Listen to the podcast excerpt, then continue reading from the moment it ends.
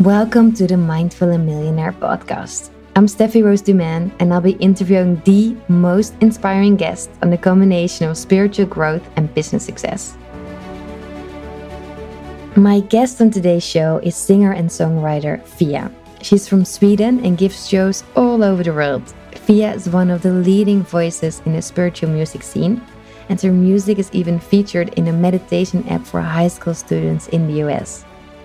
I listen to Fia's music every day, so it's an honor to interview her. Welcome, Fia. Great to have you on the show.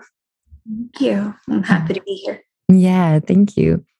I'm a big fan of your music, which is obvious. And the first question I would love to ask is the show was, is called Mindful Millionaire. And I'm wondering how for you does spirituality, which is like so present in your songs and in your life, does it combine with running your own business, being creative singer? How does the two combine? Yeah. So for me, it was uh, pretty obvious early on that I was not going to be able to hold down a regular job as such as being hired by someone else and being told what to do, when to do it. Not that I have a problem with authority in an unhealthy way. I have a normal skepticism, but I realized that my energy is best served when I get to choose what I focus on and what I create. When I get to follow my joy and my excitement, I do a really good job.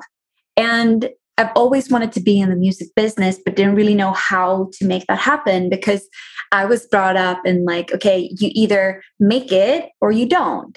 And it wasn't until I started to receive these songs that were more spiritually inclined and talking about these kind of topics that I realized, okay, I really need to carve my own path.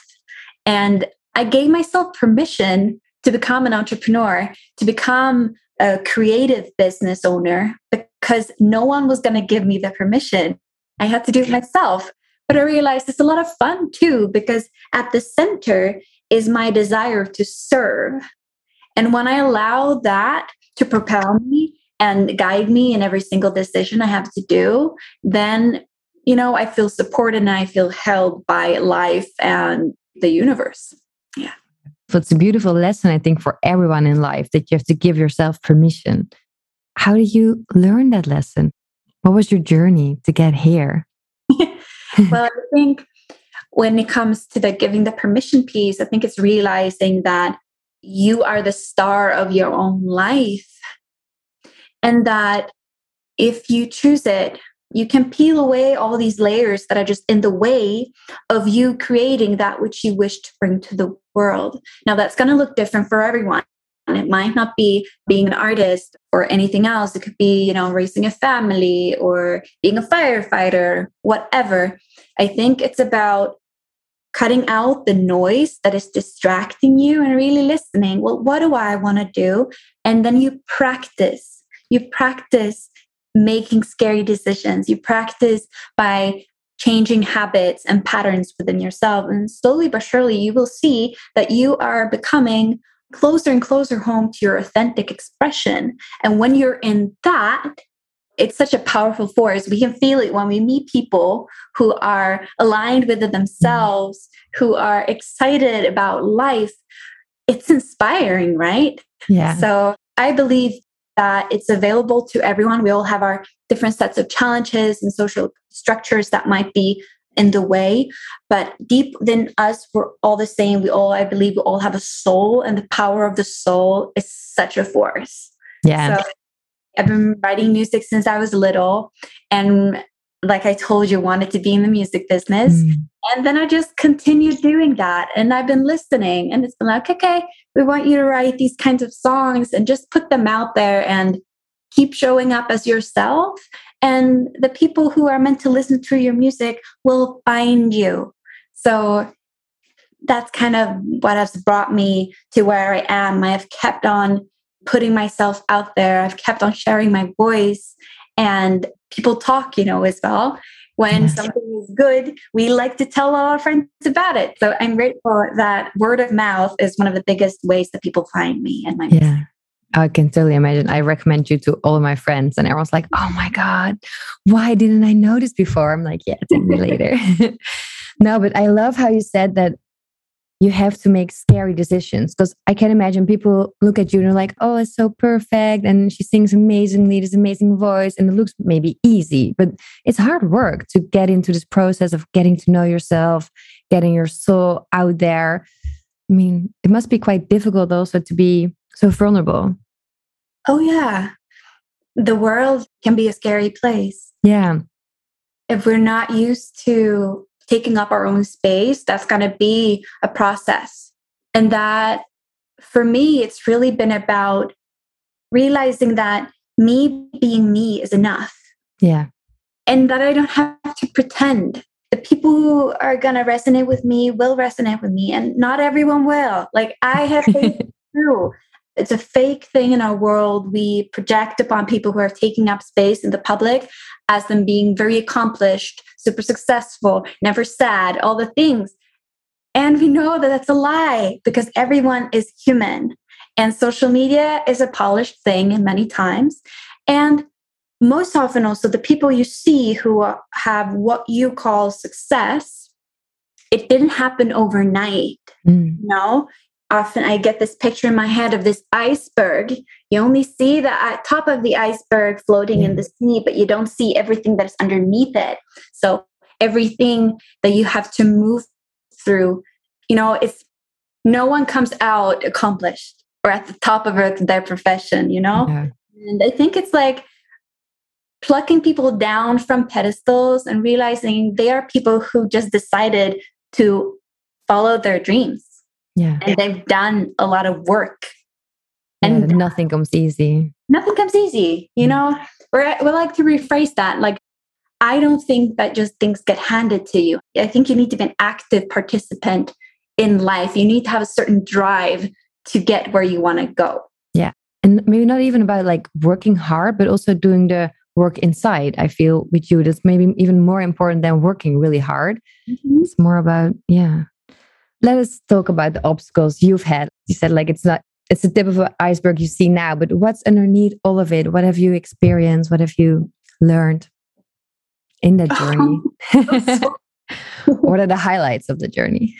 well, I think uh, right before I was able to support myself through my music business, I was working as a preschool teacher and I was not happy at all. You know, mm-hmm. I would get called in in the morning. It would wake me up with a phone call saying, Hey, Fia, can you work today?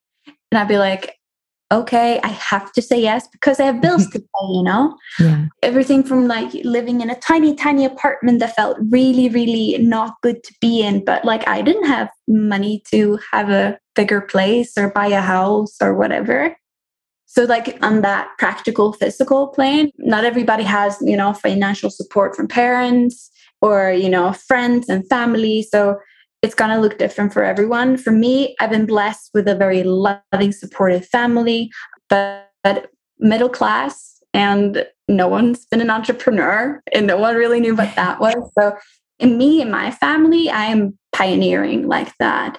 And then, you know, on a on a soul level, I mean, it's hard to can't share everything, of course. Let's see what is the most important to share there. So I have always been in school a little strange, a little different. yeah. I've been sensitive and I've been aware and I've been curious and asked questions and was very into the arts. And at that age of, you know, teenager, you know, trying to figure yourself out. That was fucking hard. When hmm. people say like, I miss the school days, I'm like, I never want to go back. I never want to go back. So happy I'm out. So happy I'm an, I'm an adult. So school was not super fun. And then coming out of school and kind of, you know, those steps from school until like getting into the work life, it was very confusing. I was very scared. I'm like, what if I end up somewhere I don't want to be and I get stuck there. And I think the mm-hmm. biggest thing has been to realize that life is happening for me, connecting to my spirituality, feeling that I'm loved by God, that there's a purpose, that I'm here, you know, making myself important to myself.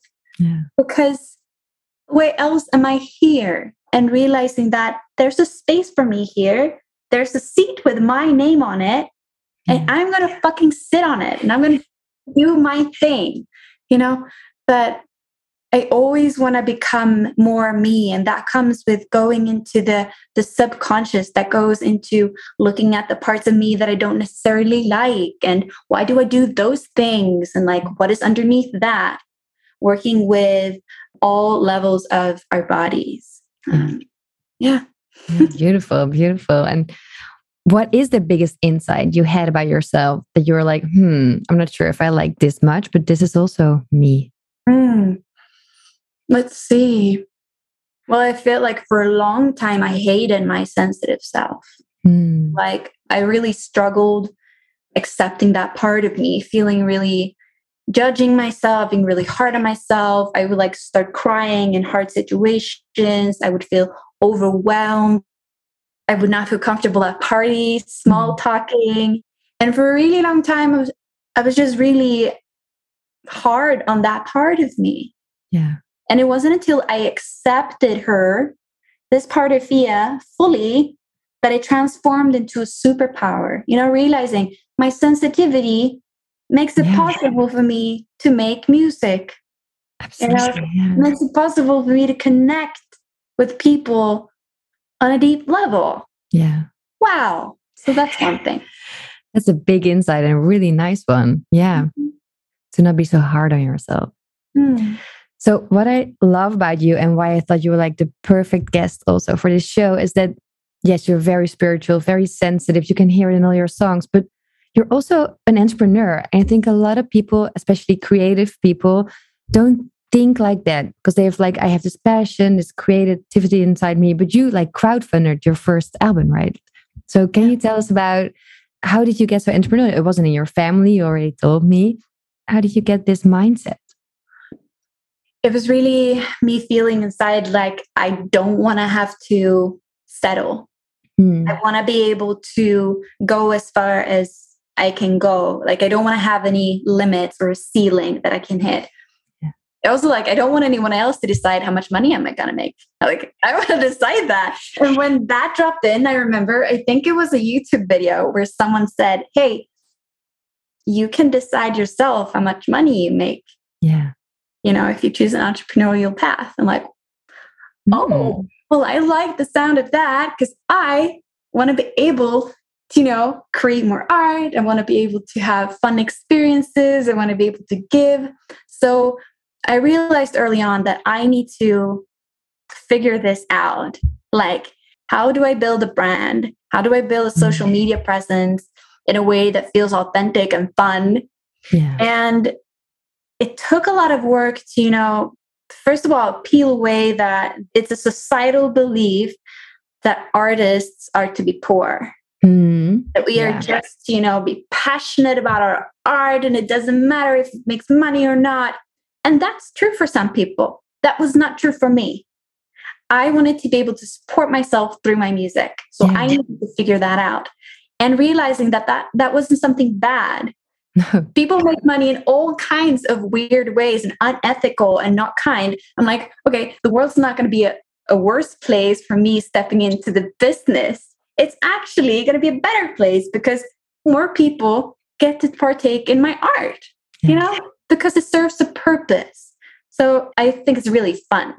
yeah, you see it on your you're like lighting up. I love how you talk about this. I feel we need this more and especially in the spiritual world because yeah, in the creative world also, but also in spiritual world, it's almost like frowned upon to want to make money. But yeah, you just bought a house.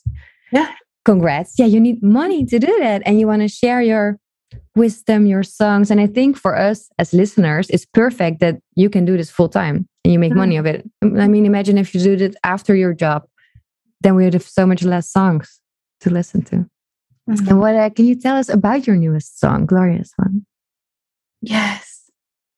So it's a song that's been a long time in the making. Mm. I wrote it when the pandemic first hit and I was in Australia at the time. Oh, and, you know, borders were closing, flights were being canceled, and my partner and I got out on the last flight home to Sweden. Wow. But, right, those very weird days right before we traveled when the news, you know, on all the time. I just sat down by the piano in this beautiful Airbnb and started writing because I felt so overwhelmed. I'm like, I don't know what to do. so let's do something I know what how to do it. Let's write some songs. And Glorious One is about surrendering, surrendering to God that there's a bigger plan, mm. that we're held by the universe. And, you know, no matter all the things that happen in the world, I can choose to believe in the power of the good and stay rooted in love. And the greatest love, I believe, is God, Goddess, the universe, whatever you want to call it. And I'm connected to that all the time. Yeah. yeah, it's beautiful. Yeah, I love it. How do you integrate your spiritual life into your business? Can you take us through your day or your routines? Yeah, that's a good question. okay, so I usually start my days very slow. I make a cup of tea and I go and I sit on the couch and I have a little dog. So I let her out into the yard. She comes back in and we settle down, light a couple candles, and then I just put on this really nice music that I like. And the first thing that I do is that I journal. Mm. And I just share how I'm feeling, what's happening in my life. You know, it's both documenting my journey for myself and then I also I write affirmations. So from the perspective of it already being a reality. Oh wow, nice. Yeah. And after that I do a meditation and the meditations vary depending on what I need, but something to connect to myself and to connect to the divine. And from that space, every day is different but I make a little list of things that I want to get accomplished because otherwise I'm all over the place. Mm, I feel you. Um, yeah, it's a lot of energy and a lot of creativity that needs a, a structure to be able to create what it is that I actually want to put out there. So some days it's songwriting, other days it's specific content creation for social media, and other days it's pure admin, you know, emails and invoices and those kinds of things. Yeah. Beautiful. Yeah, I get the, whole energy. And how can you, because you're creative, and I can imagine it's harder if you want to like write a song. How does it go? Do you schedule time for it or are it always downloads? Because I talk a lot about this with other like writers and people. Like, mm. how do you mix those two things? Like, you have your time, your schedule, and you have your mm. universe talking to you. Mm, what I do is that I put time on the schedule to write. Hmm. You know, for me, this is not going to work for everybody, but for my brain, I thrive in a schedule. I thrive in that kind of structure. And I fill my schedule with connection to the divine, with songwriting, which is that as well. And, you know, working out and relaxing, you know, everything goes in there because I want to make sure that I hit all the targets, you know, mm. for my entire well being. And when I write songs, usually I write in the evenings when my list is done. The last thing is usually that I write. It, the light has settled. It's getting a bit dark. I light a fire in the fireplace. I like to, you know, create, set a scene and a mood. And then I connect up and I say, hey, I'm here. I'm available for music. If there's anyone who wish to write through me or drop any inspiration, or is there anything inside of me that I can alchemize into a song. So, you know, I can take two tracks there, either pure inspiration or a personal processing. Yeah. Nice. I love how you schedule. I do that too with writing. Mm-hmm. But I feel there's always maybe this misunderstanding that being creative is something that overcomes you, but you can also like make time for it. Yeah. Absolutely. And I feel like when want to add one thing, it's like it's also a muscle. And yeah. I come from a classical music background. And in that world, you practice. You practice, practice, practice. True. Like the top soloists, the top performers, they practice, practice, practice. So I have that kind of like ingrained in me that that I feel like my own personal journey with myself is like I'm on a path to mastery, self mastery, and that mm-hmm. requires me to show up. Yeah, absolutely. Oh, beautiful. Thank you for sharing this. A question I always ask to anyone on the show, because it's called Mindful Millionaire. What does feeling rich mean to you? And do you feel rich? Mm, feeling rich to me is feeling satisfied, feeling that that I have everything that I need. Doesn't have to be extravagances. I love extravagances, but if you go to the very baseline, it's like, do I have food in my fridge? Is there a roof over my head? Clothes on my body? Water to drink? People who love me? Yes. Okay, I'm good. Yeah. Okay. Everything on top of that, you know, wonderful. But I like to keep it very simple like that because those for me are the true riches. Yeah. Mm-hmm. Absolutely. I also love that you love extravagances. Tell us about one extravagant thing that you still remember. From the very, you know, superficial, I love beautiful dresses and mm. shoes and, you know, expressing myself through clothing. You know, I love to travel and also, you know, booking an extra nice hotel, mm. for example, because I enjoy the feeling of that. yeah, giving yourself permission to enjoy that kind of things. Yeah, yeah. total. Yeah. Mm. Wow. Love it. How did you get so wise? Yeah. I know it's a very broad question, but how? oh, it's yeah, it's a really hard question.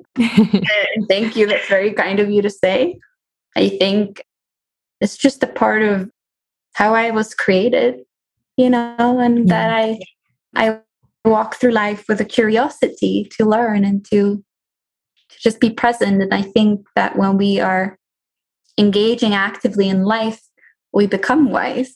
We learn mm-hmm. from experiences. We hear people sharing their stories and everything of this like it gets gathered and stored and it becomes yeah just life experience yeah. what is the best advice anyone ever gave to you that you listened to and mm. did something with it i think it's the thing that i've been saying all throughout this conversation but be yourself mm. there's really nothing else that you need to do, you know, just be yourself. That's enough. You are enough. Yeah. Beautiful. I think the mm-hmm. problem is not with not being ourselves, but that we have so much layers and things we think we should do. Right. And that creates a lot of stress. Yeah. How do you deal with stress? Because like I can imagine there's quite some stress because you're out there, people have opinions and yeah, touring also and writing mm. songs. How do you deal with stress? I take a lot of time for myself when however possible. I've also chosen like when I'm home, I'm relaxing a lot. Now I have a dog. We walk in the forest. Um, she's like she's sleeping on the couch right now, and just looking at her is oh, that's right. Relax. Yeah, taking time to do things that are only for me. If you're a person that are out there, a business owner that is serving in in any way. So important to give yourself time to recharge and fill your own cup in whatever way suits you. So for me, it's forest. For me, it's seeing my friends and family and and that kind of you know it carries me so that makes it possible for me to be out on the road and give of all of me because i know that i get to come back and just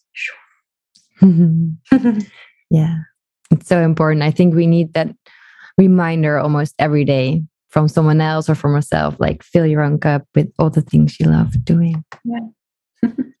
I love talking to you. Mm. thank you so much for sharing so openly also about all kind of things. Yeah. Thank you. I i really enjoy these conversations and really sweet to meet you in this space. Thank you. Mm. hope to see you in real life uh, once. Yes. And have fun in amsterdam.